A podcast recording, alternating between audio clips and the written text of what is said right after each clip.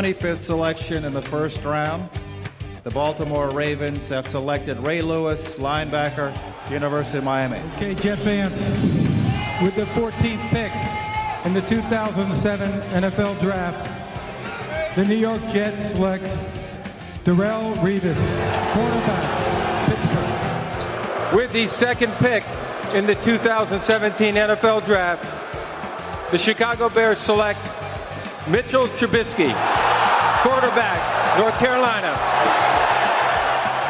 With the 256th pick of the 2009 NFL Draft and final pick, the Kansas City Chiefs select Ryan Suckup, kicker, South Carolina, and he becomes the 34th Mr. Irrelevant.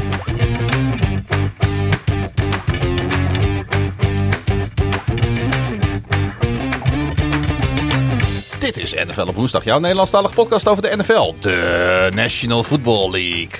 Deze podcast is een productie van het Groningse podcastconglomeraat KVM Media. En wat een draft tot nu toe.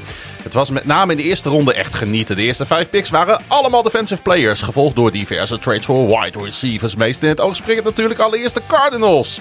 Die hun eerste ronde pick weggaven aan Baltimore voor Marquise Hollywood Brown. En de Eagles trading voor A.J. Brown. Slechts één quarterback verdween van het bord. Quarterback Kenny Pickett van Pitt. Uiteraard voor de Pittsburgh Steelers. Ja, en dat was pas op de 20ste pick. We gaan de highlights bespreken in seizoen 3, aflevering 4 van NFL op woensdag.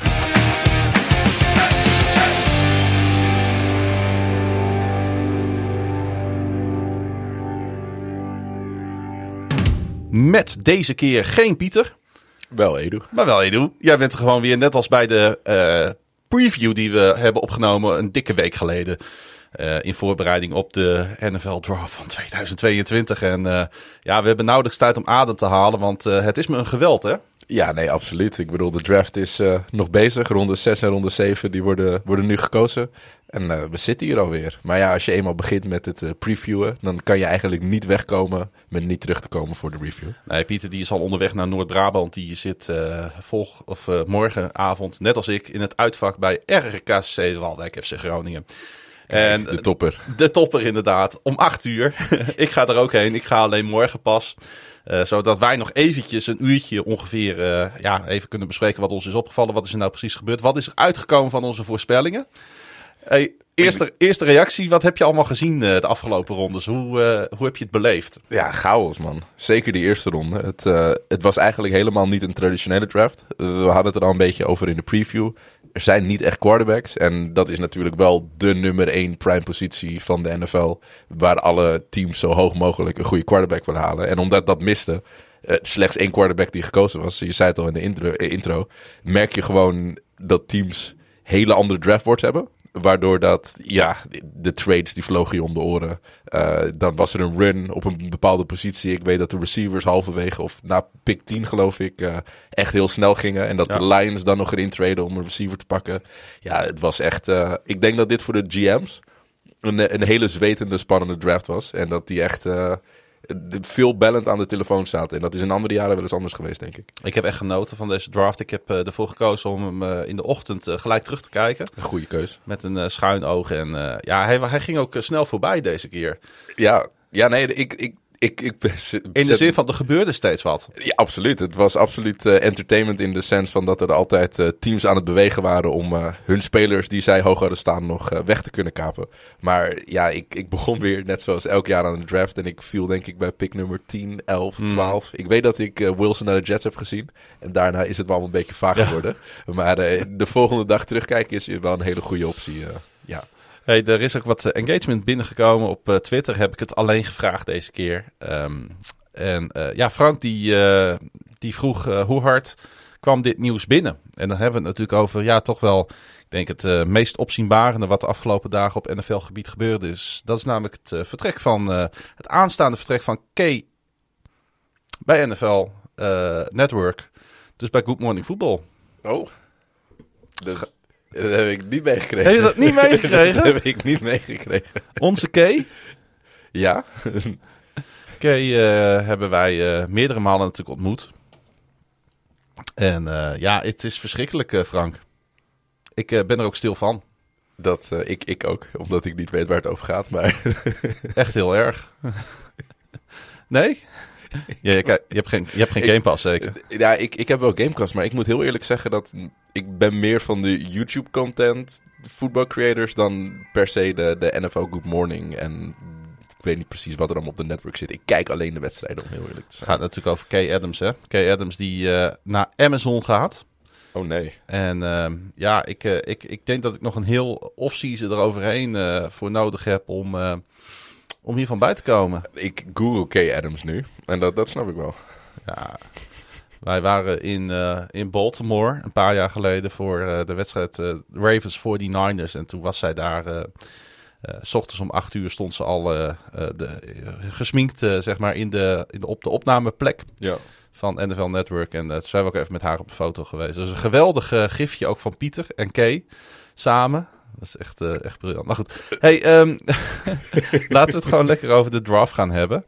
Ehm, wat zijn volgens jullie de allerbeste en meest tegenvallende picks in de eerste twee rondes? Vraagt Marcel. Nou, dat gaan we gewoon lekker bespreken. Ja, zeker. Daar gaan we rustig doorheen. En eh, dat gaan we waarschijnlijk een beetje Chris eh, kras doen. En dan weer niet. En ik, ik weet het eigenlijk nog niet precies. Ik heb gewoon allemaal dingetjes op papier gezet wat mij opgevallen is. En daar gaan we gewoon doorheen bladeren. ja, joh. Er is genoeg gebeurd om over te praten. absoluut. Eh, Frank vroeg nog, wanneer gaat de eerste kicker? Nou, die is gegaan. In de vierde ronde, als ik me niet vergis. En hij luisterde naar de naam Kate York. De, Anderhalf uur geleden zo. Een de kicker van LSU. En eh, ik zag op eh, CBS dat, dat ze daar niet zo tevreden mee waren. De, zeg maar de, de, de, de, de analytici. Die zeiden van, ja, veel te vroeg voor een kikker gegaan. Ik vind het lastig om te zeggen hoor. Kijk, ik vind het veel te laat. Ja, precies. In de eerste ronde had je hem al moeten Waarom pakken. Ja. Dat is een keer gedaan, toch? Is dat voor de tweede ronde? Voor die eh, jongen van Tampa Bay, die eh Aguayo. En die toen echt volledig geflopt was. Ja. Dat is ook lullig. Het is wel echt ongelooflijk grappig als dat gebeurt. Ehm, ja, hey, ik, eh, eh, vorig jaar ging het natuurlijk over quarterbacks. Heel veel. Eh, ik stel voor dat we het ook maar gelijk even over de quarterback gaan hebben. ja, prima. De- daar ging het dit jaar eigenlijk helemaal niet over. Maar laten we, laten we hem afstraffen met Kenny Pickett. Want je bent niet zonder quarterback. En de Steelers die zetten dus in op Pickett als vervanger van Ben Roethlisberger. Ja, en we gaan hem ook zeker zien spelen. Als we volgens mij coach Mike Tomlin mogen geloven.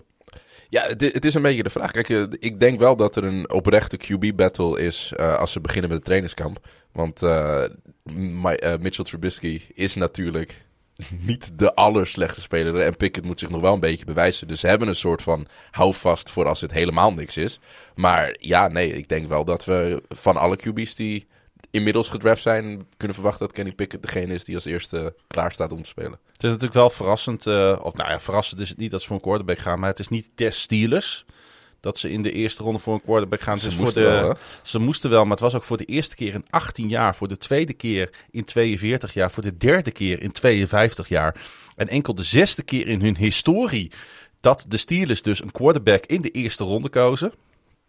En ehm, volgens mij, en correct me if I'm wrong, was het voor de Steelers ook best wel een eh, verrassing dat Pickett misschien nog wel beschikbaar was op 20. En dat ze niet voor hem hebben hoeven te traden. Nee, ik denk inderdaad dat dat een, een, een aardige verrassing was. Maar ik denk dat het voor iedereen wel een redelijke verrassing was dat alle QB's zo ver weggleden. Want De Panthers zijn er niet voor gegaan in de eerste ronde. De Saints zijn er niet voor gegaan. ja, ja, en ik denk dat, kijk, van de Saints, ik denk niet dat zij heel erg... Zij vinden zichzelf volgens mij een heel goed team, die geen QB nodig hebben, want ze hebben James nog. Ja. Eh, de Panthers waren absoluut een team waarvan je dacht van, ja, die kunnen het doen. Maar zelfs teams als Atlanta, eh, teams als Seattle, eh, dat waren allebei teams die misschien terug hadden kunnen traden. eh, omdat je weet dat de Steelers wel voor een QB moeten gaan. Ook omdat wat er allemaal gebeurd is in het offseason. Dat ze, ze, ze hebben daar gewoon mensen nodig nu.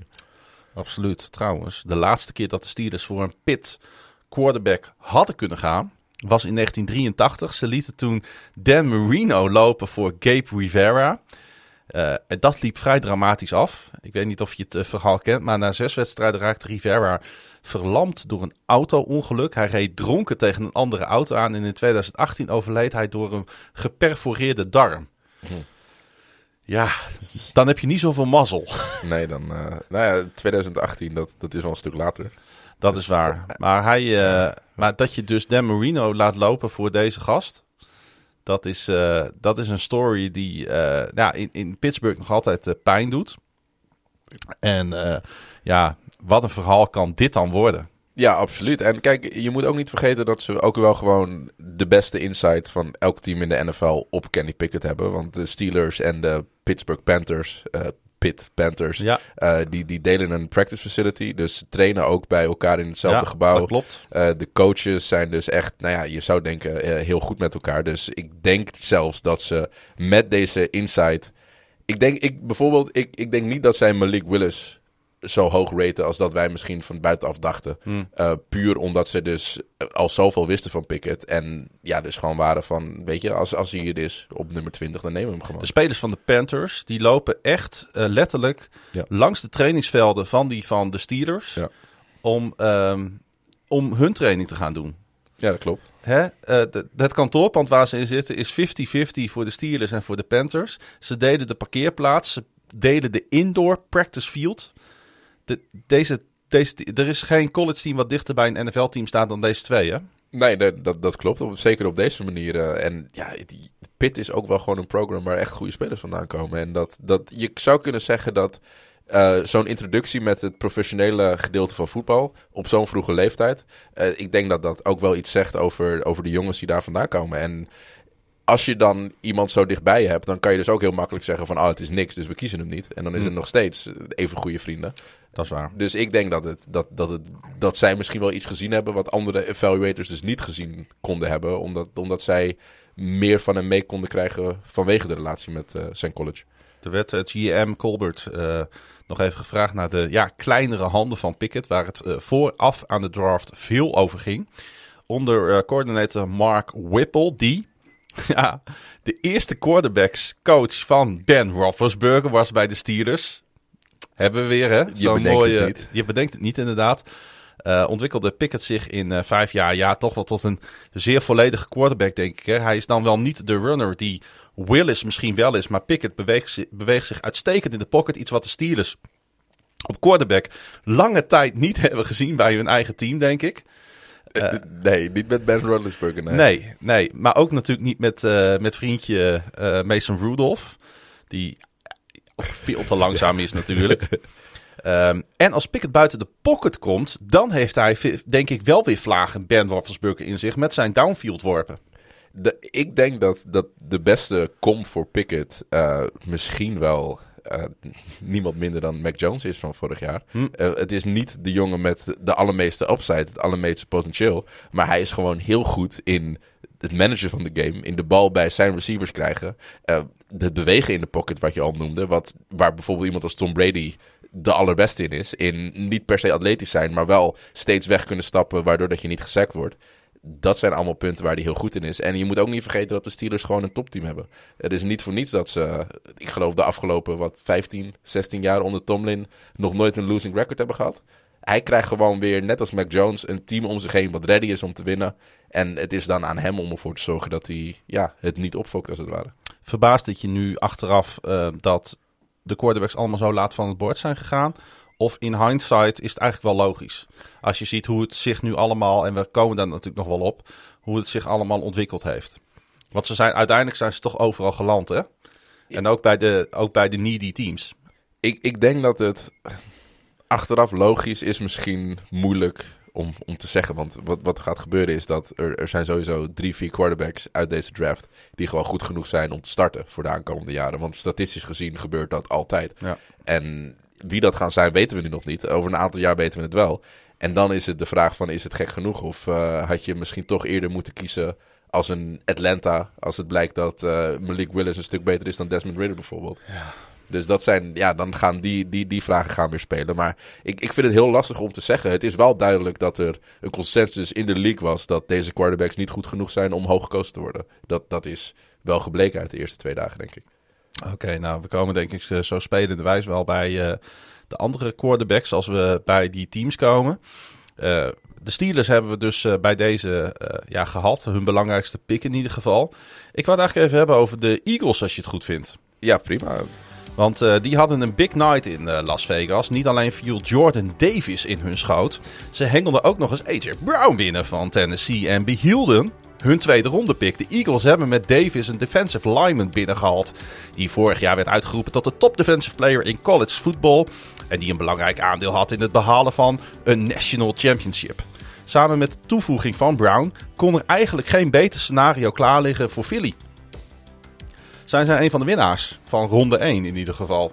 Absoluut, zeker als je AJ Brown meerekent. Eh, ja, het, ik, ik weet het niet. Persoonlijk vind ik het een slechte move van Tennessee. Ik snap de, het idee erachter.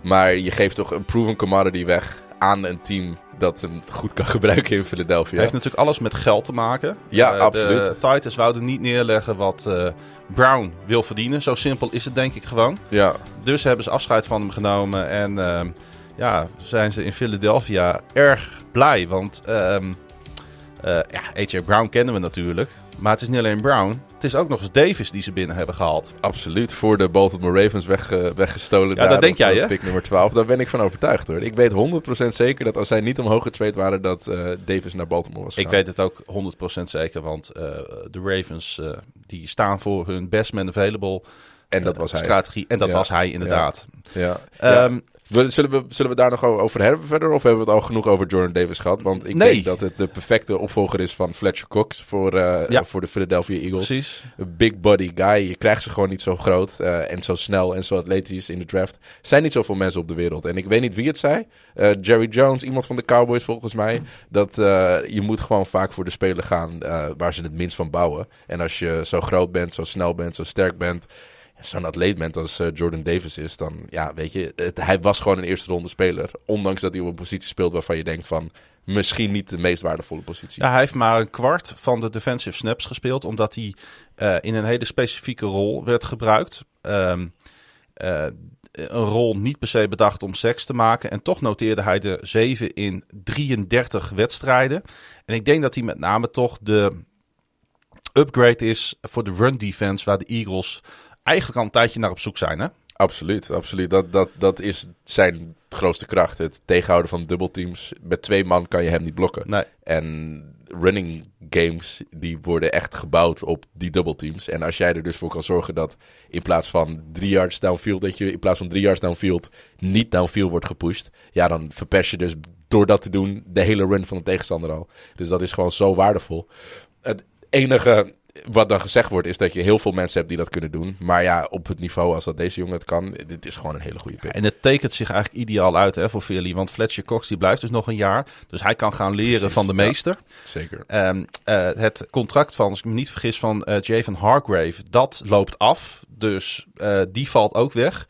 Ja, en dan gaat deze jongen, denk ik, het gezicht worden van, eh, van die line. Ja, en vorig jaar hebben ze Milton Williams gedraft. Die is misschien een beetje onder de radar gegaan, Ja. omdat het ook een hele erge speler in ontwikkeling was. Maar dat is ook een speler die, als je kijkt naar zijn atletische score, voor alles in de 99ste percentile scoort. Dus die is zo ongelooflijk snel, eh, zo ongelooflijk sterk voor de positie waarop hij speelt. Dus ze hebben nu eigenlijk gewoon twee ongelooflijk unieke spelers op die interior line staan. Ja, en verjonging eh, is hier gewoon nodig. En Ja. natuurlijk, als je draft, dan verjong je automatisch. Dat snap ik ook wel. Maar het was ook nodig om voor Cox en voor Hargrave die vervanging te gaan vinden. En die staat nu klaar. En dat betekent dat toch die soft rebuild die ze een beetje aan het doen zijn in Philly, die begint toch aardig gestalte te krijgen. Ja, zeker als je dan ook nog een, eh, een top 15, top 10 receiver uit de NFL binnen kan Zo. krijgen eh, in, eh, in AJ Brown. Want En moeten we het toch nog even over hem hebben? Ik, ik denk van wel, want jij, jij begon erover dat, eh, dat, dat, dat het heel begrijpelijk is. En want ik snap ook de Titans perspectief, snap ik. Je wil hem niet betalen. Maar ik snap alleen niet goed waarom niet. Want je- ik denk niet dat de jongen die... Hij is toch de absolute sterspeler van het team die in zijn eentje gewoon Precies. wedstrijden voor de Titans gewonnen heeft vorig jaar. Ja, want de jongen die je nu gedraft hebt, daar hoop je van dat hij ooit zo goed wordt als dat AJ Brown nu is. Ja.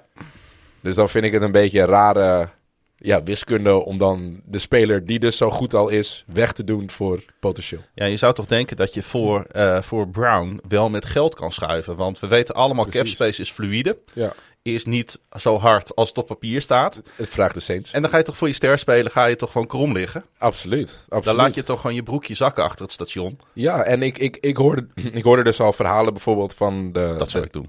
De headcoach van, eh, van Matt Fravel. Die, eh, die dus keihard zei van, eh, zolang ik coach ben hier, Ja. traden we AJ Brown niet. En nou ja, twee, drie weken later wordt hij toch getrade. En dan kan je ook een beetje zien wat de powerspelletjes zijn binnen zo'n organisatie. Want het is niet zo dat je als headcoach dus de volledige controle hebt en absoluut kan zeggen wat er gebeurt. En ik denk eerlijk gezegd dat dit ook wel iets is waarbij ja, de spelers in de locker room ook zijn van... Dan speel ik dus heel goed voor een aantal jaar. En omdat ik dan te duur word, omdat ik geld wil verdienen, omdat ik goed gespeeld heb, dan word ik weggetrade. Dus ik, ik ben echt benieuwd van, van hoe, de, hoe de Titans hier, uh, ja, hier, hieruit gaan komen. Want in mijn ogen hebben ze wel echt een, een stap achteruit gedaan. En was dit een beetje een, een, een kortzichtige move uh, van Tennessee om te maken. Absoluut. Maar uh, alle kudos voor de Eagles dat ze het zo hebben binnengehaald natuurlijk. Absoluut. En als je kijkt naar hun teambuilding proces. Um, ja, uh, het valt op dat ze niet met uh, heel veel dikke contracten zitten. De wat oudere spelers zitten uh, veelal op éénjarige deals daar. Um, ja, ze kunnen deze dus ook gewoon hebben. Ze kunnen deze spelen betalen. Ze moesten de passing game een boost geven. Ze hebben het cap space voor de move. Ze hebben geduldig gewacht tot de juiste speler op het juiste moment kwam. Eigenlijk hebben ze nou ja, konden ze het niet beter uh, uh, doen dan dit. Ja, nee, en het, moet dan wel bijgezegd worden dat zij hebben de grote luxe van een, een quarterback op een rookie contract. Ja. Dus dat je dus spelers ook kan betalen. Maar ja, als je dat moment hebt, dan moet je daar ook maximaal gebruik van maken. Dus dan wat dat betreft, wat je zegt, is het gewoon een ongelooflijk sterke move om zo'n speler erbij te halen. Ik weet dat de Jets dat bijvoorbeeld met Debo, uh, dat die, uh, die rumor, uh, die rotate even. Maar dat was een beetje een vergelijkbare vergel situatie geweest, denk ik. Waarbij een team genoeg geld heeft om iemand te betalen. En je krijgt gewoon een speler binnen die een proven commodity is. En alle draftspelers, daar moeten we ook nog maar van zien of ze echt zo goed zijn als dat we ze in college gezien hebben. Cool. Ga ik even naar de Patriots. En je werkt het al. Ik heb er niet echt een volgorde in ik, ik, ik antwoord wel wat er, wat er allemaal opgegooid wordt. Robert Roodzand die uh, vraagt zich namelijk af of we verrast zijn door de keuze van de Patriot, Patriots voor Strange in de eerste ronde. Het uh, leek toch een speler te zijn die in de tweede ronde ook nog wel beschikbaar was geweest. Al dus Robert. Ja, um, de Patriots, hè, die met uh, negen picks aan uh, de draft begonnen, maar al snel twee extra hadden. De Pets staan er uh, onbekend om laag te traden. Ze stuurden hun nummer 21 naar de Chiefs voor 29, 94 en 121. En met die 29ste pick verraste New England dus vriend en vooral vijand met UT Chattanooga offensive lineman Cole Strange. Hij maakte indruk tijdens de Senior Bowl, maar werd veelal gerankt tussen 70 en 100. Hij startte 44 wedstrijden voor de Mox. 42 als left guard, 1 als left tackle, 1 als center. Wat trouwens ook zijn positie was tijdens de Senior Bowl. Um, ja, jij vindt het niet zo'n slechte pick, hè? Nee, Als ik jou een beetje zo voor de uitzending hadden we het hierover. Ja, dat klopt. Want het is natuurlijk wel een, een, een rare college. Uh, niet veel mensen uit Chattanooga worden in de eerste ronde gedraft. Uh, en een positie die ook niet misschien de meest waardevolle positie is. Maar voor de Patriots denk ik dat het wel echt een gat was. Omdat ze natuurlijk uh, Shaq Mason kwijt zijn geraakt. Ja. Dit is gewoon de Shaq Mason vervanging die ze nu hebben binnengehaald. En hij heeft de atletische upside. Hij heeft het op de uh, Senior Bowl laten zien. Het is het einde van de eerste ronde. Kijk, als dit pick nummer 9 was, was het een ander verhaal geweest. Maar pick nummer 29, op een plek waar je versterking nodig hebt. Iemand die 42 wedstrijden heeft gespeeld. Ja, ik, ik vind het niet zo'n hele slechte pick. De college is raar, maar ja, dat, daar kan hij ook niks aan doen natuurlijk. New England begon aan dag 2 met uh, drie picks die ze zo waar gebruikten om, ja, je zult het bijna niet geloven, maar omhoog te traden. Uh, met de Chiefs opnieuw. Na 50 waar ze de snelle Baylor wide receiver Taquan Thornton kozen. Die een uh, 4,28 second uh, 40 yard dash rende op de combine. En pick 94 gaven ze dan weer weg aan de Panthers. En die kozen daar hun quarterback. Ole Miss quarterback met Corral. Die wij toch echt hadden bedacht voor de Lions hè, op 32. Ja, ik dacht dat de Lions uh, voor 32, uh, die, dat, want je krijgt in de eerste ronde, krijgen alle spelers die je kiest vier jaar contract met de optie op een jaar extra. En die optie is voor het team. Dus dan is het heel verstandig om een quarterback, zeker als hij goed is, een jaartje extra op een goedkope deal te kunnen hebben. Precies. Dus ik zag dat wel helemaal zitten. Maar ja, toen ze omhoog traden naar nummer 13 om uh, Jameson Williams te pakken, toen was dat eigenlijk ook al wel uh, die droom was toen een beetje voorbij. En volgens mij zien ze het heel erg zitten in Jared Goff. Want er is geen quarterback ja. richting Detroit gegaan. Gaat met Corral dan uh, de Carolina Panthers aan een goed seizoen helpen? Ik, ik denk dat hij minuten kan maken. Kijk, we moeten nu niet gaan doen alsof... Dit, dit is gewoon niet een draft waarbij quarterbacks gelijk impact gaan maken in week 1. Dat, we zagen het bij een hele goede quarterback draft vorig jaar. Dat quarterback struggelde in de eerste paar weken van, van het seizoen. En misschien zelfs later in het seizoen nog. Ehm, en deze class, die toch wel een stukje minder is, denk ik echt dat iedereen rustig gebracht gaat worden. Ik denk dat de enige potentiële starter uit deze rookie class Kenny Pickett is. En dat weet ik eigenlijk ook nog niet zeker. Want Trubisky is denk ik ook... Door fans wordt hij meer gehaat dan door eh, eh, NFL-coaches. Want het is ook gewoon een speler met traits en redelijke upside. Onder Lane eh, Kiffin groeide hij uit tot een wel een hele leuke speler om naar te kijken. Ja. Eh, je hebt redelijk veel All Miss volgens mij gezien de afgelopen jaren. En het was vaak eh, boeiend om te zien. Eh, ja, hij is echt een maximum risk, eh, max, eh, max reward quarterback, denk ik, gebleken de laatste jaren. Ja, en kijk, als je naar Matt Kiffin is, is inderdaad de, de, de OC daar. En zijn systeem is gewoon hij heel... Matt Kiffin? Oh, sorry, Lane Kiffin, sorry. oké. je, je had gelijk hoor. Ja. Lane Kiffin is de, de OC daar. En die, die, die heeft gewoon een heel vast systeem. Heel veel RPO's, run, pass options. En wat je daarin hebt is dus dat die quarterback altijd de read heeft van... ga ik hem aan de running back geven of ga ik hem gooien? Als hij hem gooit, is er maar één receiver die een route loopt. Dus hij hoeft maar één route te checken. Als hij hem afgeeft, geeft hij hem af aan de running back. Maar dat kan dus op elke play. Wat het heel lastig evalueren maakt. Omdat de quarterback dus niet de snap krijgt... eh, alle spelers bekijkt, ziet wie er open komt en daar zijn read uit maakt. Maar is hij dan wel NFL ready? Dat is, de, dat is de vraag. En dat is denk ik ook een reden waarom dat hij een klein beetje is, is gezakt en niet een QB is. Want als je kijkt naar zijn trades, denk ik dat het een QB was die in de eerste ronde top 15 pick had kunnen gaan. Maar er is dus gewoon een heel groot vraagteken neergezet bij de offense die hij speelt. En er zijn meer quarterbacks die uit zo'n offense komen in, in deze draft. Waardoor dat, ja, ik, ik denk dat de NFL dat ook wel redelijk eh, meerekent. Dat iemand als Sam Howell bijvoorbeeld komt uit een vrij vergelijkbare offense. En dan is het lastig om te zeggen van, gaat dit werken in de NFL? Maar aan de andere kant, als je kijkt naar Matt Corral, om hem maar ook maar even wat complimenten te geven. Hij, hij heeft gewoon de traits. Hij heeft een ongelooflijk snelle release. Hij heeft een goede arm. Misschien wel de beste arm in deze class. Hij is atletisch. Underrated. Ik denk dat hij met Ridder de beste atleet in deze class is. En wat ik heel tof aan hem vond, is dat hij ondanks een geblesseerde enkel vastberaden was om de Sugar Bowl te spelen tegen Baylor toen. En dat zegt wel iets over zijn mentaliteit. Weet je, hij, hij, hij koos er niet voor om tussenuit te knijpen. Het was best wel begrijpelijk geweest. Veel quarterbacks laten die balls, als ze eligible zijn voor draft, schieten van. Dan raak ik in ieder geval niet meer geblesseerd en ik word toch wel gekozen. Ja. Die wedstrijd heb ik niet meer nodig. Hij zei wat er ook gebeurt. Hij is echt wel een all-miss legend geworden. Hè? Hij Absoluut. komt daar heel groot aan de muur te hangen.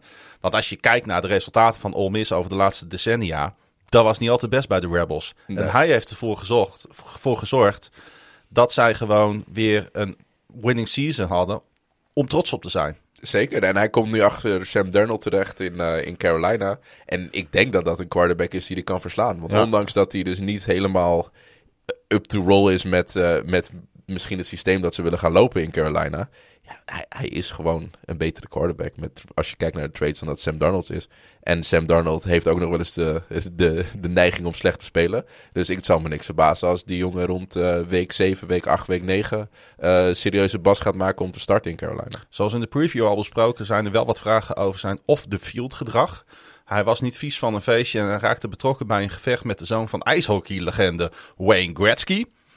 Weet je nog, hebben we het over gehad vorige Ja, week. Mooi. Ehm, ja, eh, speelt niet zo'n rol meer, denk ik, hè, voor de Carolina Panthers. Het is lastig. Kijk, nogmaals, hij is nu dus gekozen op, wat was het, de derde ronde ergens. Eh, ook nog aan het einde, geloof ik, Ja. van de derde ronde. Terwijl ehm, eh, ze ook de hele avond aan de lijn hebben gehangen met de Cleveland Browns voor Baker Mayfield, hè, de Panthers. Dat heb ik ook voorbij horen komen, ja. Ja, dat- ik, ik weet het niet. Ik had het ook heel goed begrepen als ze voor Baker gegaan waren. Dat is wel meer proven commodity. Dan zeg je nu al van Sam Darnold, kom eruit, eh, we hebben een nieuwe. En met Matt Corral gaat het zijn van Sam Darnold, jij begint het seizoen totdat je het genoeg verpest en we hem erin kunnen zetten. In de eerste ronde gingen de Panthers voor ex-NC State's offensive tackle Icky Ekwanu. Ja, ja goed uitgesproken. Die wij op vijf naar de Giants hadden staan. Eh, ook de Panthers hadden, heb ik begrepen, weinig scenario's liggen waar hij nog beschikbaar was voor hun. De Giants gingen echter voor eh Thibodeau. Hè, de man met de goede instincten. Eh, geweldige electric pass rusher. Waardoor uiteindelijk dus eh Ekwanu bij, bij de Panthers belandde. En eh, de, de home state boy, hè? Ik hoorde dat hij een, eh, een Panthers fan was. Eh, Ja. Speelde natuurlijk in, in North Carolina Ja, al. blijft lekker binnen de staatsgrenzen. Ja, ja en ik, leuk voor die jongen. Ik denk dat het een goede keuze is voor ze. Ze hebben hulp nodig op die offensive line. Ja. Dat was misschien wel na quarterback het grootste gat dat ze hadden. En ze hebben in mijn ogen de beste, misschien de één na beste O-liner uit deze draftclass gehad. Over binnen de staatsgrenzen gesproken, ehm, de Detroit Lions. Ja. Die eh, hebben uiteindelijk de keuze gemaakt voor Aiden Hutchinson. De defensive end van eh, Michigan blijft dus ook dicht bij huis. Ja, zeker. Ik denk ook dat dit voor Detroit een hele fijne verrassing was. Want, maar wat een eh, fit moet dit zijn. Dit, dit is echt wat je wil hebben gewoon. Dit is denk ik een, een hele goede manier om ten eerste fans naar het stadion te krijgen. Eh, ook de verhalen die je hoort over deze jongen is dat hij vanaf het begin af aan al een leider was Ja. bij Michigan. Laagste stadionbezetting van Amerika hè, in Detroit. Kijk, nou, ik denk dat Van de NFL. ik denk oprecht dat deze jongen daar eh, een beetje verandering in kan brengen. Ja. Want hij, hij brengt natuurlijk wel echt nou ja, de feeling van de regio naar, naar de Lions toe. En ook iemand die gewoon, ja, wat ik, een, wat ik wilde zeggen, een, een leider is in, in, in de locker En dat is wel de cultuur die je. Ja, weet je, het is mooi als dat erbij komt als je iemand eh, als tweede kiest. En ik moet eerlijk zeggen dat ik daarom ook denk dat hij misschien wel een terechtere nummer 1 overall pick was dan, dan Walker. Want Walker was dat niet voor, voor Georgia. En nu niet om te zeggen van dat dat alleen maar fout is gegaan. Maar ja, ik denk dat de Lions ook heel blij waren dat, eh, dat deze jongen nog op het bord stond op nummer 2. Kijken we ook nog even naar de first pick overall voor Jacksonville. Die toch voor defense, defense gingen met Trevon Walker. En eh, ja, jij was eh, voor Evan Neal gegaan. Daar komen we zo meteen nog even op terug. Maar in de 48 uur voor de draft werd toch al, al duidelijk dat het waarschijnlijk Walker ging worden. Walker die werd pas in zijn laatste jaar bij Georgia starter. Was niet eens first team All-SEC, voerde zijn team niet aan in seks. En toch hoorde hij als eerste dat hij een baan in de NFL heeft. Vond je het toch wel een verrassing? Niet echt. Het laat zien dat de upside. De upside is echt waar, waar scouts voor vallen. Want dit, dit doet me heel erg denken aan eh Khalil Mack en Jadavian Clowney. Die een aan, nou ja, dat is nu denk ik al bijna een decennium geleden dat ze gingen. Maar die dan met z'n tweeën eh, in de top 5 gingen. Mack ging geloof ik als nummer 4, nummer 5. Terwijl ehm Jadavian Clowney als nummer 1 ging. Ja, Clowney was in college absoluut atletisch gezien de nummers die hij neerzette, het potentieel dat hij had, was hij absoluut de betere speler. Maar als je kijkt naar de productie, de manier van hoe ze tot de seks kwamen, denk ik dat iemand zoals Thibodeau of Hutchinson uit deze draft heel vergelijkbaar is met Mac, waarbij Jadavian Clowney misschien vergelijkbaar is met Walker. Als alles goed valt, als alles lukt, dan is het een home run hit, dan is het een topspeler. Maar hij komt bij Jacksonville terecht. En dat is ook wel een beetje een, eh, een zorg voor mij. Want ik ben benieuwd of ze hem daar kunnen ontwikkelen. Zoals bijvoorbeeld een team als Baltimore dat zou kunnen doen. Ja, want hij is wel echt. Hij heeft alles in zich om die all-round defender te worden.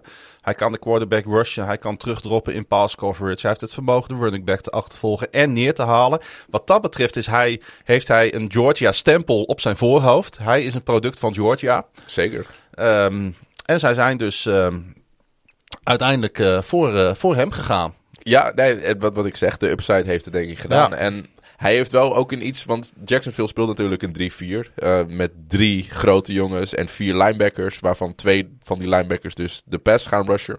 Eh, en hij is daar eentje van. Dus dat is denk ik ook een positie die hem net wat beter past dan een echte 4-3 end. Dat zijn vaak wat, wat, wat grotere, langere jongens. Ja. Ehm, dus wat dat betreft denk ik dat het een betere fit is misschien wel dan Aiden Hutchinson. Maar het is toch wel echt... Hij is minder ready om nu te spelen in mijn ogen dan dat andere pass rushers hier zijn. Als we dan even kijken naar ehm, onze, eh, onze mock draft. Had Pieter Carl Hamilton bedacht voor de Houston Texans. Ja. Maar hij viel helemaal naar 14. Recht in de schoot van Eric da Costa en de Baltimore Ravens. Die, eh, ja, de op dat moment beste speler van het bord haalden. Want zo werkt dat dan, hè. De Notre Dame standout had geen geweldige combine. En eh safety was al best wel een diepe positiegroep voor de Ravens. Zeker na de free agent signing natuurlijk van Marcus Williams. Die overkwam uit eh, New Orleans. Ja. Ah, dat is een free safety meer, hè? Ik denk, Chuck dat is Clark is eh, nu weg. Ik hoorde dat hij eh, getrade mag worden. Dus die staat op de, op de lijst. En eh, ik denk dat jullie een nieuwe strong safety hebben in Hamilton. Ja, ehm geweldige value voor de Ravens op 14 of niet? Absoluut. Ik bedoel, je zei het al.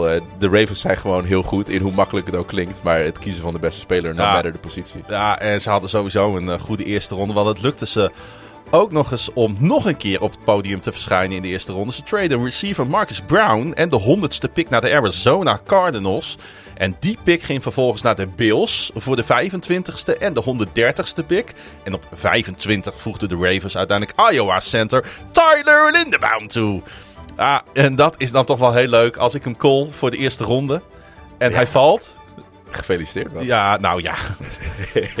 ik vind het gewoon een hele verstandige pick, weet je. Bradley Boseman, die eh, is naar de Panthers vertrokken in het offseason. Eh de beoogde center Patrick McCarry kan nu weer lekker swing tackle worden, waar hij veel beter in is. Ja. En daar vind ik het wel een hele leuke speler. En eh, ja, ik ben echt heel erg blij dat het uiteindelijk zo uitgepakt heeft. Tuurlijk zijn er wat zorgen over of, of hij in de scheme past. Of hij misschien net wat lengte tekort komt. Maar ik ben ervan overtuigd dat, eh, dat de Ravens eh, hem kunnen ontwikkelen tot gewoon echt een hele goede center. En sowieso is hij een beter alternatief dan wat er stond. Kijk, dat is, En dat is voor Lamar ontzettend belangrijk. ja, dat, dat is één ding. Als je kan upgraden, dan is het sowieso mooi. En wat je ook ziet, is dat centers zijn vaak gewoon ready om gelijk te starten en een impact te maken. Je zag het vorig jaar met eh, Creed Humphreys, die misschien wel de beste center was afgelopen jaar in de NFL. Ja, Sowieso. Als dat, een rookie. Ik, dat komt zo meteen nog wel even terug. Maar wat de Chiefs vorig jaar gedaan hebben. Goh, Ja. Ja, daar kan je alleen maar van dromen eigenlijk. Maar inderdaad, heb je helemaal gelijk in. Ik, ik denk oprecht dat, dat de Ravens met de keuzes die ze gemaakt hebben... Ja, weet je, je kan natuurlijk niet gelijk die sticker erop pakken. Want het is nog kijken hoe die, die spelers zich gaan ontwikkelen. Maar jullie gaan wat dat betreft wel achter de Chiefs aan, denk ik, met de draftclass. Want jullie hebben goed gekozen. Het is even de vraag natuurlijk hoe snel eh, David Ojabi fit wordt. Want in de tweede ronde ging Baltimore voor hem. Hij stond eh, eh, zonder blessure ingeschald als een top 15 pick. Misschien zelfs wel een top 10 pick. Maar hij scheurde op Michigan's Pro Day in maart zijn Achillespees af. Viel naar de tweede ronde, waar dus de Ravens hem oppikten. Ojabi, de voormalig Michigan pass rusher, zal in ieder geval de start van zijn rookie season in de NFL missen. Dus zijn aanloop naar de NFL is verre van ideaal. En hij is sowieso een andere prospect op zijn positie dan heel veel van zijn collega's. Hè? Als je kijkt naar zijn, zijn, zijn, zijn pad in, in, in sports. Dat, ja, ik, een jongen die niet eh, voor voetbal eh, naar Amerika is gekomen. Want hij komt uit Schotland, geloof ik. Ja, hij, is, eh, schot. hij is geboren in Nigeria, groeide op in Schotland. En voordat hij richting de Verenigde Staten ging en naar Blair Academy in New Jersey ging.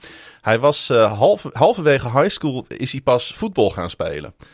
Geïnspireerd door teamgenoot Odafe Oh. Owe. Die natuurlijk nu de outside linebacker van de Baltimore Ravens is. Ook met Nigeriaanse roots. En ja, kijk, het, om eerlijk te zijn, als je een speed rusher wilde hebben in deze draft, was hij de guy. Eh, hij komt natuurlijk van hetzelfde team als, eh als Aiden Hutchinson eh, in Michigan. Ja. Maar er zijn scouts, geloof me, het is natuurlijk een beetje welk profiel je wil hebben. Maar die Ojabo hoger hadden staan dan, dan, dan Hutchinson. En kijk, Zelfs met blessure. dat is natuurlijk een, een ding wat er heel erg ingekomen is, Ja. de blessure. Maar zonder blessure, het is de vraag, ga je herstellen van je Achillespees? Tot nu toe, als je kijkt naar Cam Akers, die raakte aan het begin van het seizoen geblesseerd. Aan het einde van het seizoen speelde hij in de playoffs speelde hij weer mee. Ja. Dus volgens mij is er nu gewoon een mogelijkheid om, om, om goed tot aardig te herstellen van deze blessure. En als dat lukt bij deze jongen, heb je echt een potentiële pro-baller en een potentiële all-pro binnenlopen. Omdat hij gewoon op de manier van hoe hij rusht, heel vergelijkbaar met, met Owe, maar gewoon zo snel, zo goed in eh, die band maken en laag eh, in, de, in, in, de, in, de, in, de, in de rush komen. Wat jij eh, hebt uitgelegd in de vorige podcast. Als Precies. mensen dat niet gehoord hebben, ga dat nog even terugluisteren. dat, daar, eh, daar, daar leer ik alle technieken voor Precies. defensive end.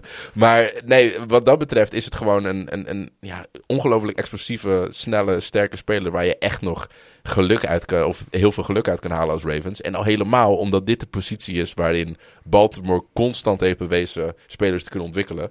Dus ik denk echt dat deze jongen, David Ojabo, misschien nog niet volgend jaar, misschien aan het einde van volgend jaar, maar absoluut in 2023 ja, op, de, op de deur gaat klokken, kloppen. En dat, dat geldt ook voor de, de defensive tackle die daarna gekozen werd in de derde ronde. Want eh, misschien is eh, Jordan Davis misgelopen, maar de één na beste tackle hebben jullie in ronde drie alsnog gekregen. Hm.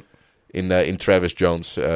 Ik denk ook dat Valele, eh, Orlando Brown vergelijking, Ja. dat dat een speler is met ongelooflijk veel upside. Onze nieuwe Hallo die Nada. Precies, maar dan aan de andere kant. Die Nada. uit, eh, uit, uit Minnesota. En ik, eh, Jalen Armour Davis is ook gewoon een cornerback die je gelijk kan starten. Dus de eerste vijf picks, dat zijn gewoon allemaal, misschien, dat zijn zes picks zelfs. Dat zijn gewoon allemaal starters voor jullie. Ja, Dus dat, dat, ja, dat wil je hebben. Ongelooflijk die ontwikkeling van. Eh, die, die blessure is, is natuurlijk echt eeuwig zonde. Ja, Hoeveel pech kun je hebben? Maar, zeker op je ehm, pro day. Ja, ik, ehm, ik hoor het toch op heel veel plekken. En ik herhaal gewoon wat eh, de specialisten in eh, Amerika zeggen. Al met al worden de Ravens toch als een van de winnaars gezien van in ieder geval dag 1. Ik denk dat samen dag twee met- erbij kan. Ik denk dat dag 2 er inderdaad bij kan. Als ik zo die vierde ronde net een beetje gevolgd heb. Maar eh, ja, we moeten, als we dan toch het over winnaars hebben, ook nog over een ander team hebben. En dat is jouw team. Dat zijn namelijk de New York G-E-T-S. Jets, Jets, Jets, Jets, Jets. Wat, een- wat een mooie podcast is dit, man. Ze hadden vooraf negen picks. eh, ja, en dat het, eh, dat het zo eh, gerold is als het rolde, had jij daarvan eh, durven te dromen? Nee. Nee, kijk, natuurlijk, we hadden wel echt gewoon een heerlijk bord voor ons. hè. Je kiest op nummer 4, kiest op nummer 10. Dat houdt gewoon veel opties open, omdat je kan zien waar de runs beginnen en omdat je ook gewoon vrij hoge picks hebt. Maar ten eerste dacht ik dat, eh, dat we eerst voor een pass rusher gingen en daarna voor een cornerback. Eh Sauce Garner verraste me nog enigszins, maar was ook de keuze waarvan ik dacht van ja, Stingley was op drie natuurlijk al naar Houston Precies. gegaan. Precies, en dan denk je van, nou ja, je moet hem nu kiezen, want anders eh, komt hij niet meer terug. Want de Giants die hadden hem anders op nummer 5 of nummer 7 gekozen. Weet je wat grappiger was? Is hiervan. Wij hadden Gardner op 6 naar de Panthers. Ja, En we hadden Stingley op 13 naar de Texans. ja. Nou, dan hadden we het toch nog vrij goed eigenlijk. Dus eigenlijk zaten we wel aardig in de buurt, hè? Nee, maar ik ben blij dat hij uiteindelijk bij de, bij de Jets gekomen is. En dit is natuurlijk een beetje de, de, de Raul Reeves, denk ik misschien wel, die het kan worden. Van, Zo, dat is wat- nogal een uitspraak. Wat, wat je hoopte. Ik bedoel, dit is de, de projection en de, de hoop die je krijgt. Want, want Saas is gewoon ja, een, de, de, de corner die je wil hebben. Hij is lang, hij is snel. Ik geloof dat hij één touchdown of nul touchdowns heeft opgegeven in zijn hele college carrière. Ja, dat, dat, dat, dat, dat, dat zegt wel wat. En er is een reden dat hij de consensus nummer 1 slash nummer 2 corner was. Ik denk dat Stingley, als je naar zijn eerste seizoen kijkt, het freshman seizoen, dat hij had met Burrow, dat hij had met ehm, eh, Jefferson, met Chase. Dat eerste jaar dat ze de national cha- title wonnen, toen was hij met afstand de beste corner in de league. Daarna is het een beetje afgezakt. Eh Sas is denk ik de consensus 1. Eh, consensus nummer 1 receiver, denk ik, met Garrett Wilson niet per se voor mij, maar hij is wel gewoon heel goed, heel well-rounded. En ik ben er absoluut blij mee. En dan vooral het cadeautje aan het einde, dat je nog terugtreedt om een speler te kiezen die eigenlijk door iedereen wel werd gezien als een top 15 speler. En alle drie positions of niet. We hebben een corner hadden we nodig aan het begin van de dag, een receiver en een defensive end. En je, ja, je, je hebt gewoon de top 2 in twee van die posities, corner en receiver. En een top 3, top 4 speler Ja. in defensive end. Allemaal starters. Ja, dat is wat je wil hebben uit een draft. Laat ik het nog even samenvatten voor de luisteraars. Want op 10 was daar dus eindelijk die nieuwe receiver voor quarterback, Zach Wilson. Met Ohio State's Garrett Wilson. En daarmee was de koek inderdaad nog niet op. Want door een trade verkregen de Jets nummer 26 van de Titans. Waar ze Florida State defensive end Jermaine Johnson verkregen. Die wel heel ver wegzakte. En eh, op dag 2 werd ook nog eens omhoog getrade voor Iowa State running back Brees Hall. En dat zal eh, vriend van de show, Frank Metsenmakers, eh deugd doen. Mij ook. Want hij zei, als hij dan toch bij één eh, moet landen, dan maar de Jets. Ja, ja nee, dat, daar ben ik blij mee. En hij wil nu natuurlijk naar Ravens at Jets, dat snap je wel. dat, dat snap ik heel goed. Waar Dat- trouwens Brees Hall dan weer zijn tight end vriend Kolar gaat tegenkomen. Die naar de Ravens is gegaan in ronde 4. Dus prachtige overlap zit daar wat dat betreft. Dat wordt hem alleen daarom al een geweldige pot. Iowa State is, eh, is overal. ik, Ja. ik, ik, ik ben benieuwd wat de Iowa State Bowl gaat worden dan tussen de Jets en de, en de Ravens. Ik, ik vind het vooral leuk dat we nu dus Wilson naar Wilson hebben op de receiver en quarterback positie. Ja, we hebben, Ongelooflijk grappig inderdaad. we hebben vorig jaar hebben we al twee Michael Carters gedraft. ja, inderdaad. En nu hebben we ook Bryce Hall, de cornerback, en Breeze Hall, de running Ja, back. dat is ook eh, zo. Qua namen zijn de Jets eh, absoluut in vorm. Ook Jeremy Ruckert, eh tight end, die, die we draften uit Ohio State aan, in de derde ronde. Was ook een speler die Een van de eerste heel tight ends op de bord stond. Ja, Eh, Misschien wel de eerste zelfs. na Trey McBride was hij de, de Nou, eerste. ja. En dat, dat is ook een hele well-rounded speler die eigenlijk uit een college komt waar hij gewoon te weinig de bal kreeg. Omdat er overal supersterren op receiver stonden. Dus ik, ik denk dat de Jets hier gewoon, wat ik zei over de, de Ravens, dat je dat hier ook naartoe kan trekken. Ze hebben gewoon vijf, zes jongens gehaald die volgend jaar eh, gaan starten. En ja, als je dat uit een draft kan doen, dan, dan doe je het heel goed. Uiteindelijk ging jouw overall number one Evan Neal naar de Giants op 7. Ja, een eh supersized edge blocker die ja, een natuurlijke left tackle is, hè? Als je begrijpt wat ik daarmee bedoel. Absoluut. Hij is zei- gemaakt voor die positie, hè? Zeker, zeker. Jij zei over, over de pick hiervoor, uh, Ike Mikwanu, al dat het, eh, dat het Panthers niet verwachten dat hij er nog was. Maar, eh, ik denk nee, dat, dat de Giants nee, precies hetzelfde hadden op nummer ik ook, 7. dus die, eh, die waren al lang blij dat ze, dat ze Evan Neal binnen konden halen. En ja, je zei het, hij is een, eh, de prototype tackle. Hij heeft de lengte, de lange arm heeft hij ervoor, het lange Ja. lichaam heeft hij ervoor. Zeldzame mix eigenlijk eh, van, van hoe een left tackle er moet uitzien, hè? Alles wat je wil hebben, heeft die jongen. Ja. En hij kan op rechts spelen, hij kan op links spelen. Hij heeft bij Alabama heeft hij ook nog een tijdje op guard gespeeld. Een van de weinige offensive of linemen in het algemeen op Alabama die starten als een, als een freshman of een redshirt freshman. Wat gewoon betekent dat deze jongen vanaf, nou ja, die loopt al drie, vier jaar mee eigenlijk in een pro-program. Want dat is Alabama. Zeker als je naar die line kijkt. En hij is vanaf het eerste moment een standout geweest. Dus dit is ook zo'n speler waar je eigenlijk wel zeker van weet dat het niet fout kan gaan. Nee, de eerste wide receiver van de draft, die ging op 8 naar de Atlanta Falcons. Ja, die hebben een roster eh, wat zich het best laat vergelijken, denk ik, met een gatenkaas. Maar dat ze voor offense gingen, dat was op zich geen verrassing. Want ze moeten daar wel bouwen aan de toekomst. Welke quarterback er ook in de komende jaren achter komt te staan. USC's Drake London was drie jaar lang starter voor de Trojans, waar hij 15 touchdowns ving. En hij werd dus verkozen boven Jameson Williams en Garrett Wilson.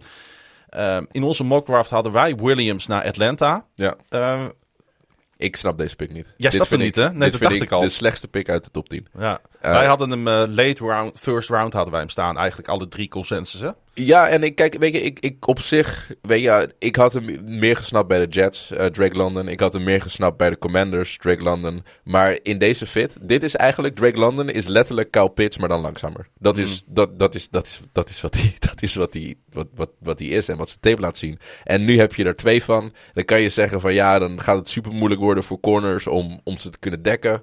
Omdat ze zo lang en zo fysiek zijn. Maar ik denk dat je dan echt die burner mist. Want Drake London heeft voor een reden niet zo voor die gelopen. Dat is niet de jongen die mensen versnelt downfield. Separation is gewoon niet zo heel sterk. Hij maakt dat goed door heel goed te zijn in de 80-20 ballen. Maar in Kyle Pitts heb je eigenlijk al iemand die dat doet. Dus wat dat betreft denk ik van ja, persoonlijk denk ik dat ik eerder voor een Williams of misschien zelfs wel voor een Wilson was gegaan over Drake London.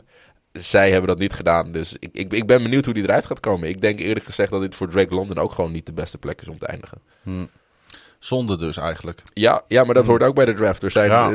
er zijn er weer gewoon een aantal spelers in een situatie terechtgekomen waarvan je denkt van ja, hoe het uh, verder ging voor de Falcons. Nou, in de tweede ronde trade Atlanta omhoog voor Arnold Abikati, een edge rusher van Penn State.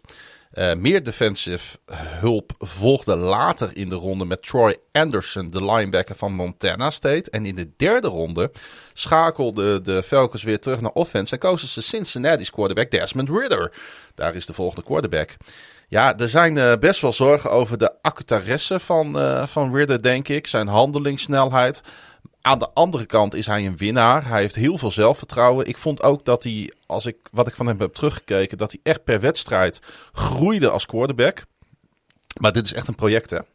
Ja, ja, en ik denk dat het op zich. Dit, ik denk dat dag 1 voor Atlanta matig was. Ik denk dat ze een betere keuze op nummer 8 hadden kunnen maken. Maar de tweede ronde, denk ik, en de tweede en de derde ronde werd het echt wel wat beter, ze het heel goed gedaan ja. hebben. En Ridder op deze positie kiezen betekent dat hij niet hoeft te starten. Je hebt Marcus Mariota nog op het roster staan. Is qua profiel redelijk vergelijkbaar met Ridder. Uh, het zijn allebei sneaky atletische quarterbacks die... Ja, de, een, hebben ze een, gewoon een gezocht naar hebben. compatible quarterback, denk je?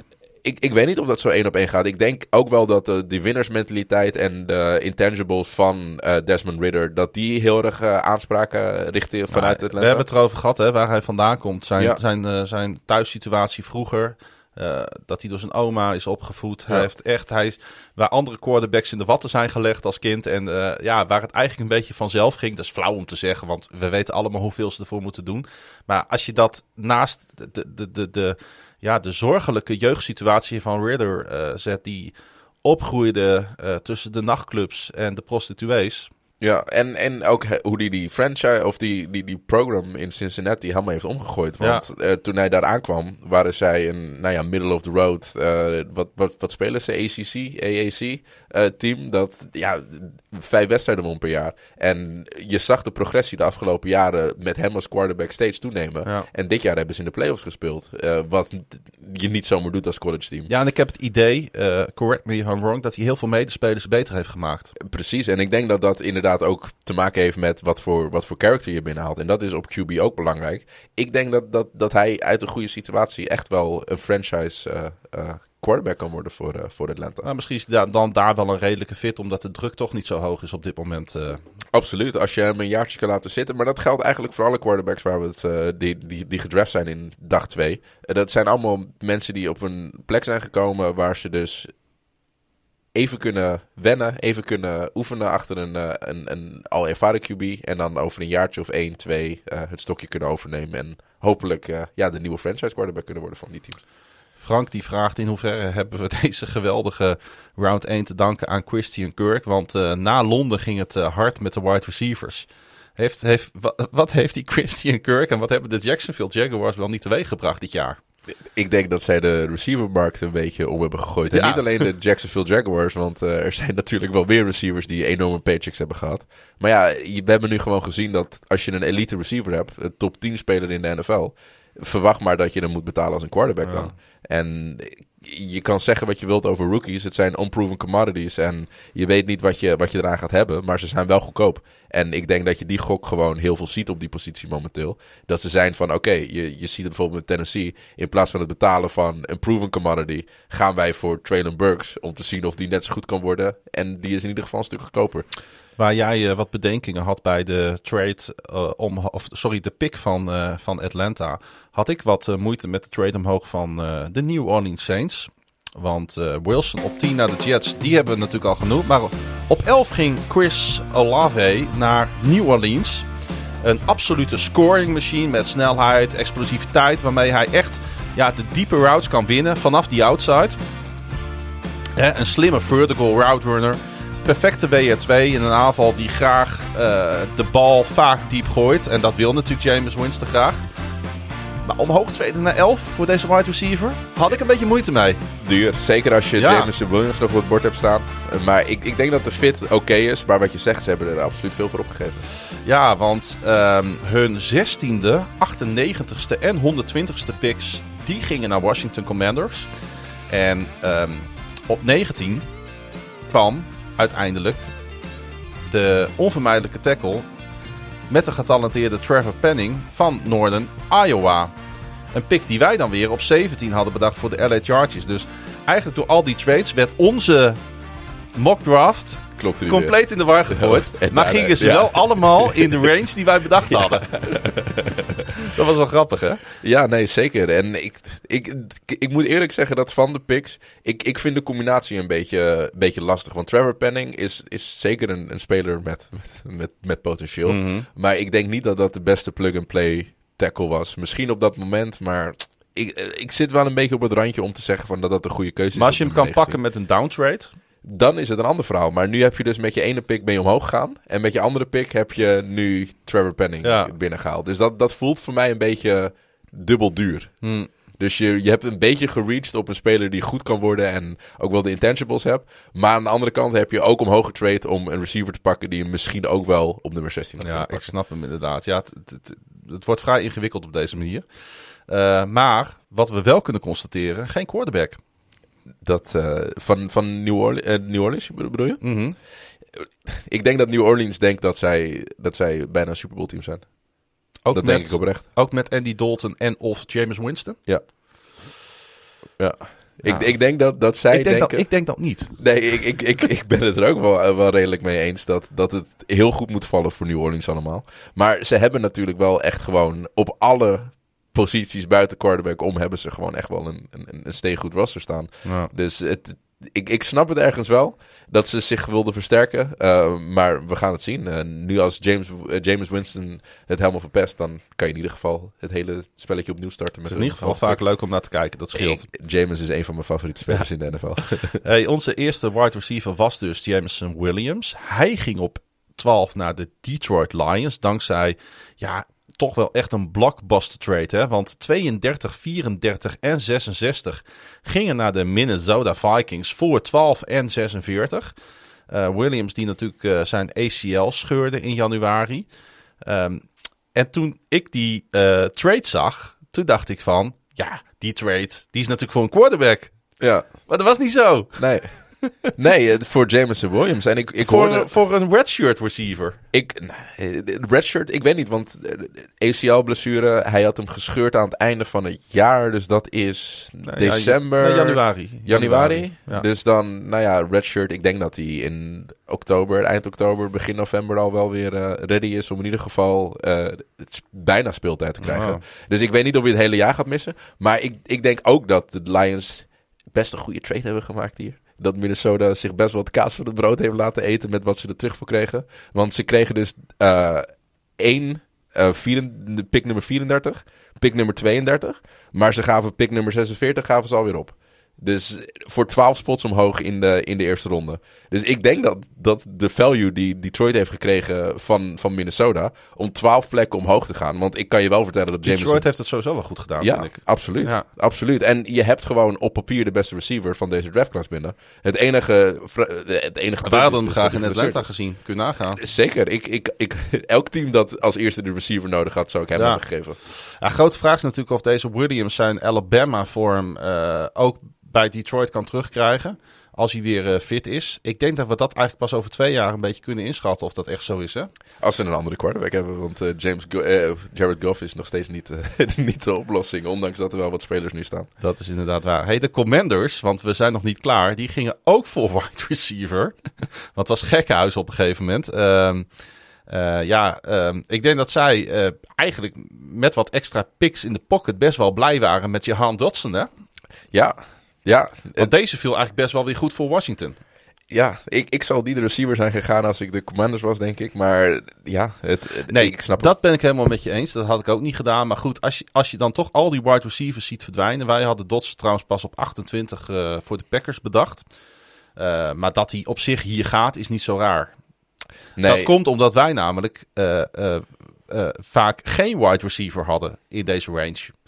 En dan dropt inderdaad Dodson naar 28. Maar met hoe het ging, vond ik het niet zo raar. Nee, kijk, hoe het draftbord valt op zo'n dag, dan verandert natuurlijk alles wat je in zo'n mock draft hebt opgeschreven, verandert gelijk al. Want als jij vier receivers hebt die praktisch achter elkaar gaan tussen nummer 8 en nummer 12, dan met, met een tackle ertussen, maar dan, dan, dan is het hele receiverbord veranderd. En als je als Ja. commanders dan kosten wat het kost een receiver wil hebben, dan ga je in één keer uit de tweede pool vissen. Ze hadden natuurlijk wel een WR2 nodig. Als jij nou eh, general manager van de Washington Commanders was geweest, ik hoop het niet voor je. Hè, er zijn, e- er zijn leuke team 31 gekozen. leukere teams. maar eh, was jij dan voor Dodson of was je voor Burks gegaan? Geen van die twee om eerlijk te zijn, want ik denk dat... nou ja- Nee. Oh, ik moet tussen die twee kiezen? Ja, Oké, eh, dan denk ik wel... Ik denk wel Dodson. Ja. ja. Ik denk wel Dodson. Ik denk dat ik ook voor Dodson was gegaan. Al is het alleen maar omdat hij de betere punt returner van de twee is. En, en supergoed. Ik denk dat hij de beste handen in... Hij is een beetje vergelijkbaar met Elijah Moore Twee, vorig jaar. twee drops had hij Ja. afgelopen seizoen. Ja. Dodson. Dat is, dat is heel goed. Ja, dat is echt goed. Ja. Hij heeft ook bijna geen ballen gehad, hè? Nee, is niet waar. Eh Burks die ging eh, niet snel daarna dus op 18 naar Nashville. Ja, ehm, ik vind Burks wel een hele interessante speler. Want hij heeft lengte, hij heeft kracht om met name te domineren in de red zone. Als, hij is echt een, een, jump ball specialist. Hij, hij heeft een basketbalachtergrond. Hij heeft eh, de running skills om big plays te creëren. Als een catch-and-run weapon. Maar hij is natuurlijk niet de vervanger van AJ Brown. Ja, wel dus. Ik denk letterlijk dat tegen deze jongen gezegd wordt eh, van doe maar wat AJ Brown ook gedaan Ja. heeft. En of dat eerlijk is, dat is vraag nummer twee. Maar de skillset lijkt er wel heel erg op. Dat hij is, wat je al zei, heel goed met de bal in zijn handen eh, na de catch. Maar hij is ook heel sterk in de één op één situatie voor een, voor een, voor een jumpbal. Dus eh, de tape heeft hij redelijk. Maar kan je het op een hoger niveau allemaal eh, nog een keertje doen? Is het typisch zo'n speler dat er pas echt wat aan als je eenmaal eh, in die red zone staat. Dat weet ik niet. Ik denk dat hij van elke. de- Ik denk dat Burks een speler is die van elke positie kan scoren. als hij de bal krijgt, kort. Ik denk dat Debo Samuels bijvoorbeeld ook niet een hele slechte vergelijking voor hem is. Een iets langere versie daarvan. Want met de bal in zijn handen is hij een van de beste receivers in deze draftclass. Ehm, dus die- maar het is heel veel upside. Het is, het is allemaal vrij lastig om dat één op één te kunnen projecteren Ja. naar wat hij in de NFL gaat doen. Ook omdat die plays kan jij 80 yards voor een touchdown rennen in de NFL als dat in college wel lukt, omdat iedereen een stukje sneller is. Weet je, je speelt daar toch tegen de 66% die later een normale baan in het leven gaan hebben, misschien nog wel meer. Dus je, je komt gewoon, ja, de stap. Ik ben benieuwd of je die kan maken. Na eh, Burks eh, was het afgelopen. En ging er geen enkele wide receiver meer. Eh, Voor een reden, dat de pool was een beetje leeg, denk ik. Dat klopt. Ehm, de Chargers die, die mochten nog wel even kiezen. Dat die voor O-line gingen, nou dat hadden we al voorspeld. En dat was wel duidelijk. Het werd alleen niet Trevor Penning, die op dat moment nog wel op het bord stond. Hij ging natuurlijk later naar New Orleans, hadden we het net over. Maar het werd Zion Johnson, die wij dan weer voor de Cowboys hadden bedacht op 24. Als ik deze pick had, in onze mock draft had ik deze gemaakt. Ja, Want dit, dit is denk ik echt plug and play. ik denk dat ze de beste guard in ieder geval binnen hebben gehaald, hè? Ja, ja dit, ik denk dat dit eh, heel vergelijkbaar is met Rashawn Slater vorig jaar.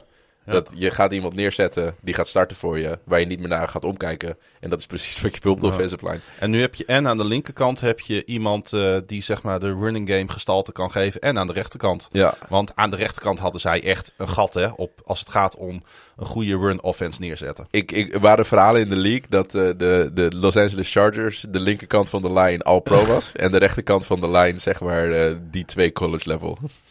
Ik zit even na te denken hoe die, die, die jongen heet die daar stond. Eh Nate Storm? Storm? Storm? Nog wat? Nou, ik ben even zijn naam kwijt, maar het was in ieder geval verschrikkelijk inderdaad. Hey, ehm, ehm, Had hij maar beter moeten spelen dan zijn naam onthouden. Laten we, het, eh, laten we het dan ook even hebben over de divisiegenoot van eh, de Chargers. Namelijk de Chiefs. En jij zei het al, hè, die vorig jaar zo'n waanzinnige draft hadden. Met linebacker Nick Bolton, center Creed Humphrey en right guard Trey Smith niet te vergeten. Ja, eh, en dit jaar hadden ze gewoon twee picks in de eerste ronde die ze vorig jaar niet hadden. Dus het kon eigenlijk alleen maar beter worden. Hè? Ik denk dat ze het eh, tenminste net zo goed hebben gedaan als vorig jaar. Want eh, ze hebben weer een, een, een heerlijke draftclass bij elkaar verzameld. Trent Mc, ik weet niet of jij er doorheen wil, maar Trent McDuffie Nee. vond ik gelijk al een, een, een hele sterke pick. Ik denk dat dat iemand is die, die heel goed past binnen wat de Chiefs willen doen. George Kalafdis is hele nou ja, betrouwbare edge speler. Je weet wat je daarvan krijgt. Supergoed in de run. eh, en ook gewoon de upside om een goede pass rusher te kunnen worden. Ik denk dat Sky Moore, dat dat de value is. Dat is eigenlijk Ja, een die had, betere die had, dan die had ik dus graag in Baltimore willen zien. Dat snap ik heel goed. Want Ja. dit, dit is ook iemand die me heel erg doet denken aan Elijah Moore. Een slot receiver met misschien wel zelfs iets meer outside eh, potentie Ja. dan dat eh, Moore heeft. Maar ik denk dat misschien als hij langer was geweest, sneller was geweest, sterker was geweest, was dit zonder twijfel de nummer 1 receiver geweest. Maar omdat hij in een iets kleinere body zit, dan, dan zak je naar beneden toe. En ook linebacker Leo Chenay, eh, Chanel. Volgens mij is het Chanel. Leo Chanel is iemand die ze nog niet hadden. Eh, Een linebacker die groot is, atletisch is, snel is, sterk is. En tot nu toe hebben ze gewoon twee hele goede voetbalspelers als linebackers gehad. Ja. En nu krijgen ze er een topatleet bij. Ze moesten een beetje omhoog draften voor eh, Trent McDuffie. Maar goed, dat moest ook wel, want op 29 had hij absoluut niet meer op het bord gestaan. En de Chiefs moesten echt, omdat ze natuurlijk in free agency Tra- Travarius Ward aan de 49ers eh, verloren. Dus ze hebben eigenlijk alles eh, gedaan wat ze moesten doen. Hè? Eh, Sky Moore natuurlijk, omdat ze Tyreek Hill eh, niet meer hebben. Dus Ja. zij hebben gewoon heel duidelijk gekozen voor de strategie. Wat we zijn verloren, gaan we weer oppakken in de draft. Ja, En dat zouden meer teams moeten doen. je zou, je zou denken van wel. En al helemaal de spelers die ze daar nog hebben kunnen krijgen. Want ik denk dat het stuk voor stuk spelers waren die voor hetzelfde geld een stuk hoger hadden kunnen gaan. Hey, dan de Packers.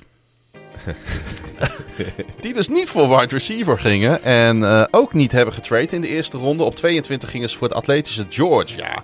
Linebacker Quay Walker, die wij niet in de eerste ronde hadden geprojecteerd. Hij is een uitstekende runstopper en hij gaat eh, naar een team die juist daar hulp nodig heeft. Dat dan weer wel. Zes picks later eh, ging nog een Georgia speler van het bord naar Green Bay. Namelijk defensive tackle Devante Wyatt. Die wij op 31 hadden bedacht voor de Cincinnati Bengals. Dus zit wel weer in de range. Ehm, ja, eh, geen wide receiver. Wel in de tweede ronde natuurlijk. Toen ze wel omhoog hebben getrade. Ja. Met notabene divisiegenoot Minnesota. Christian Watson van North Dakota State. eh, geprojecteerd als WR4, als rookie WR2 upside. Ah, net als vorig jaar is het weer eh, het gevoel, denk ik, eh, eh, over de Green Bay Packers. Meh, meh, meh. hè? ja, en al helemaal als je de Weer een C-min. Als je divisiegenoot uptrade van pick nummer 32 naar pick nummer 12 om hun beste receiver op het bord te Ja. kiezen. En jij, jij blijft staan om, ja, sorry dat ik het zeg, maar ik weet dat linebacker en dat de run stoppen allemaal niet zo lekker ging.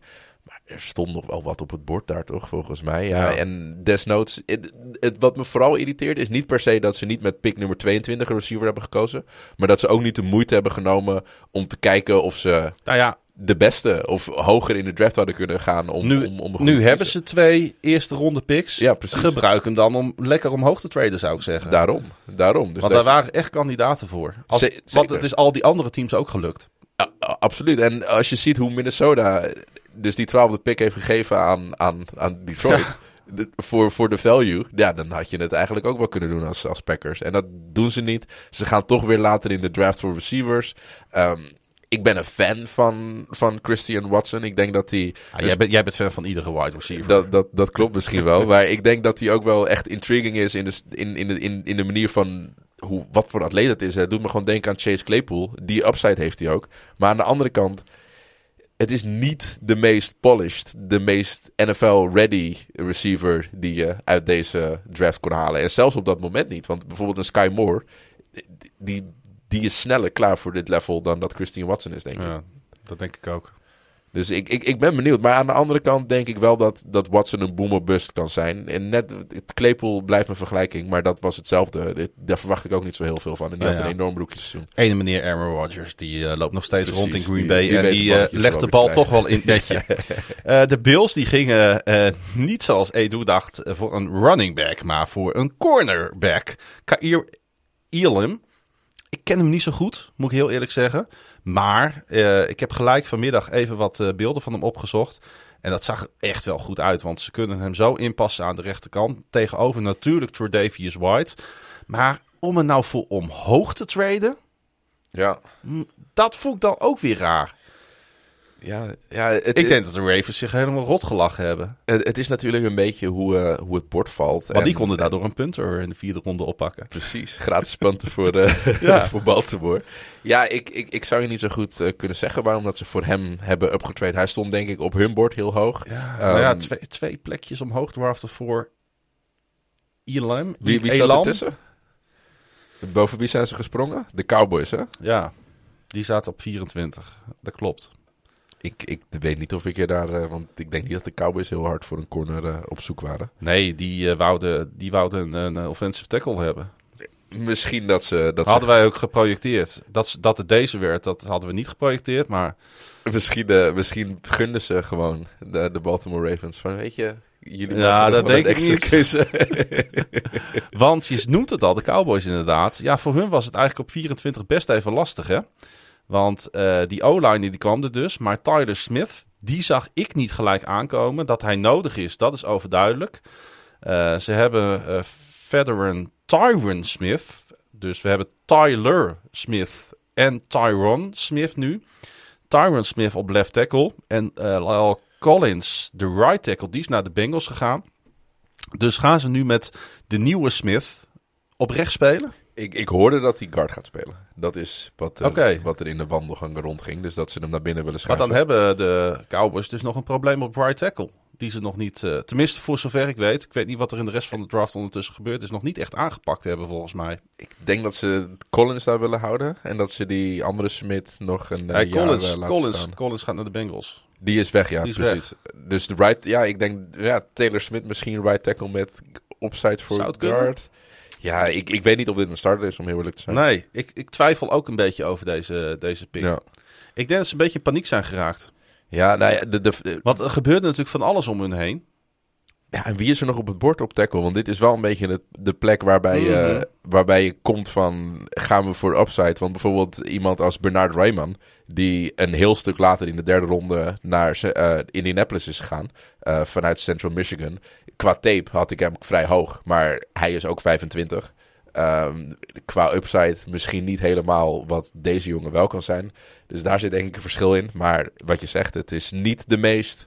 Dit is niet de pick waar je fans blij mee gaat maken. Nee. En waar je ze enthousiast mee gaat maken voor volgend seizoen. Nou, om de eerste ronde draft nog even eh, heel kort af te maken. De Jaguars kozen op 27 linebacker Devin Louds.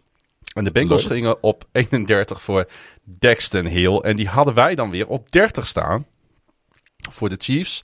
En de Lions gingen uiteindelijk op 32 niet voor Corral. Want hun pick ging naar de Viking, Vikings. En die kozen voor safety Louis Sign. En zijn naam kwam volgens mij al even voorbij in de preview. Want was iemand daarvan gecharmeerd? Redelijk. eh, als... Niet per se hier, maar wel, wel, wel, wel redelijk. Ik denk dat hij de nummer 3 safety was eh, voor, voor heel veel mensen. Ehm, het enige probleem, ja, ik had het al even over hoe slecht ik de trade van Minnesota überhaupt vond.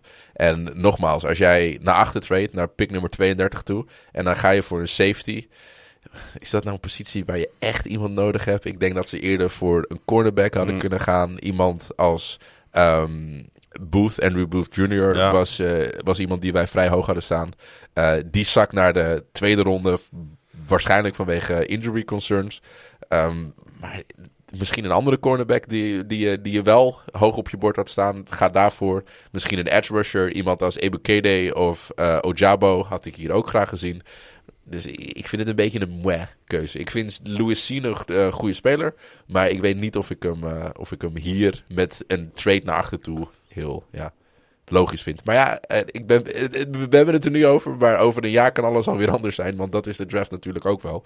Dat, het is zo lastig om alles 100% te kunnen voorspellen voor aankomend jaar. En dit, dit gaat een hele leuke luistershow worden eh, over een jaartje. Om te zien hoe ver we overal naast zitten. Ik heb de draft eh, eh, preview van vorig jaar heb ik, teruggeluisterd. Dat was echt ontzettend grappig om dat weer terug te luisteren. Kan ik me voorstellen. En ik ga ook nog even de review, denk ik, luisteren binnenkort. Die van vorig jaar, hè? Ja, ja Dat volgens is echt nu heel erg leuk om dat te doen. Hey, aan het eind van deze aflevering, want we zijn er doorheen. Ehm, jij mag het zeggen, wie is jouw biertopper van dag 1-2? mijn biertopper van dag 1, 2. Welk team eh, eh, heeft het het best gedaan volgens jou? Welk team het het beste heeft gedaan? Oké, dan, dan ga ik hier een, een, een shout-out geven naar eh, mijn eh, Philadelphia Eagles fans. Dus zij zijn eh, jouw biertopper van week, week, week. Absoluut. Absoluut. Kut, ik wou de Eagles ook noemen. Ja, kijk, dan heb ik die van je afgepakt. Helemaal Ja. mooi. dan mag jij de Jets noemen als biertopper. Nou, nog één keer in een paar zinnen dan. Wat hebben de Eagles goed gedaan? AJ Brown binnengehaald. Dat is de proven commodity eh, top 10 receiver. Waarvan je zeker weet dat het de top 3 receiver is. Top 10 receiver is. Dus ja, daarnaast de Kobe Dean ook nog binnengekregen in de derde ronde. Helemaal nog niet over gehad, maar dat is een steal op Ja. die positie. Dus ik denk dat ze gewoon, eh, ja, hun een roster aan het vullen zijn met hele goede spelers. Ga ik voor de New York Jets. ik dacht namelijk, jij gaat voor de Jets, dan ga ik voor de Eagles. Ehm, ja, ik, eh, ik denk dat de Jets het uitstekend hebben gedaan, inderdaad. En ik vond met name de eh, trade back in de first round vond ik, eh, indrukwekkend. Voor Johnson. Eens. En dat, ja, dat was. het is agressief. De Jets moeten ook wel. Ja. hè? Ze willen deze quarterback een kans geven. Ze willen deze coach, Robert Salou, wat een geweldige coach is, willen ze ook een kans geven. En als de Jets ervan willen maken, ja, dan is dit het moment om ervoor te gaan. Zeker. En dat kan maar op één manier, en dat is eh, voor de volle 100% eh Edu. Full gas, no breaks. Ja. Ehm, ehm, ja, eh, heb je ervan genoten dit jaar? En krijg je, weer, krijg je heel stiekem alweer een beetje zin in het nieuwe seizoen? ik krijg altijd zin in het nieuwe seizoen naar zo'n zo'n draft. En als Jets-fan is dat ook vaak het enige waar je je echt aan vast kan houden. Van laat deze spelers alsjeblieft goed zijn aankomend jaar. Dus wat dat betreft kan ik niet wachten om al onze nieuwe wapens en al onze nieuwe spelers in actie te zien. Dan zit eh, seizoen 3, aflevering 4 er alweer op. Hey Doe, ik wil jou echt eh, bedanken voor eh, de tijd die je hebt vrijgemaakt voor ons. Voor zowel de preview als de, de aftertalk, zeg maar. Ik vind het mooi. Ik vind het altijd lekker om hier te zitten om over voetbal te praten. Ja. En, de ik hoop altijd dat je nog een keer terugkomt, want we gaan natuurlijk het seizoen ergens van het zomer weer eh voorbeschouwen. We moeten even zien hoe de agenda's lopen. Maar Ja, dat lijkt me uiteraard. mooi om, eh, om hier weer aan te. Zeker. Heel goed dat je een slag om de arm houdt. Heel Oh, verstandig. Woon je dan nog in Groningen? Is de grote vraag Precies, natuurlijk dat, ook. dat is dus een van de grote vragen. Dus eh we anders, kom je, anders kom je toch gewoon naar Groningen. Ja, want nee, eh, eh, je hebt wel een beetje liefde natuurlijk voor deze mooie stad ontwikkeld. Hè? Absoluut. En ik geloof dat eh, jullie eh, inmiddels ook een eh, mooi budget hebben om mij over te laten vliegen. Dus dat moet wel goed dat komen. weet ik niet. Hangt vanaf waar je gaat wonen, joh. Als het Amsterdam is, dan durf ik het nog wel aan. Laten, laten we hem nog even on the road pushen en Ja. dan horen jullie het snel. Als mensen jou willen volgen, dan kunnen ze dat volgens mij het best op de Instagram doen. Ja, ja momenteel wel. Dus eh eh, EBJ, laagstreepje 13. En eh, de voetbalcontent komt er eh, binnenkort wel weer aan. Want er staan wel wat leuke dingetjes op de agenda. Goed om dat te horen. Je kan mij natuurlijk volgen via @klaasjegrun. Dat is dubbel A, dubbel S, dubbel N op eh, zowel Twitter als Instagram. En natuurlijk ook NFL op woensdag, ons account op Facebook, Twitter en Instagram. En volg ook Pieter, die er dus even niet is. Nee, Die zit aan het bier ergens. als je dat wil zien. Ed Darf laagstreepje is op Twitter. En ja, eh, wil je ons nou steunen? Vind je het nou toffe content wat wij maken? Ga dan even naar nflopwoensdag.nl naar onze Petje per Dag pagina. Voor een paar eurotjes in de maand kun je lid worden van de community en eh, steun je de makers eh, van deze podcast. Ja, heb ik nog één laatste zin. En dat is, dat is dat ik iedereen wil bedanken voor het luisteren naar seizoen 3, aflevering 4. En ehm, tot de volgende. Waarschijnlijk wordt dat eh, een eh, aflevering over de schedule release. En wanneer is dat? Over een paar weekjes, twee weekjes. Ja, ik kan niet wachten. Ik ook mooi. niet. Beste maar weer.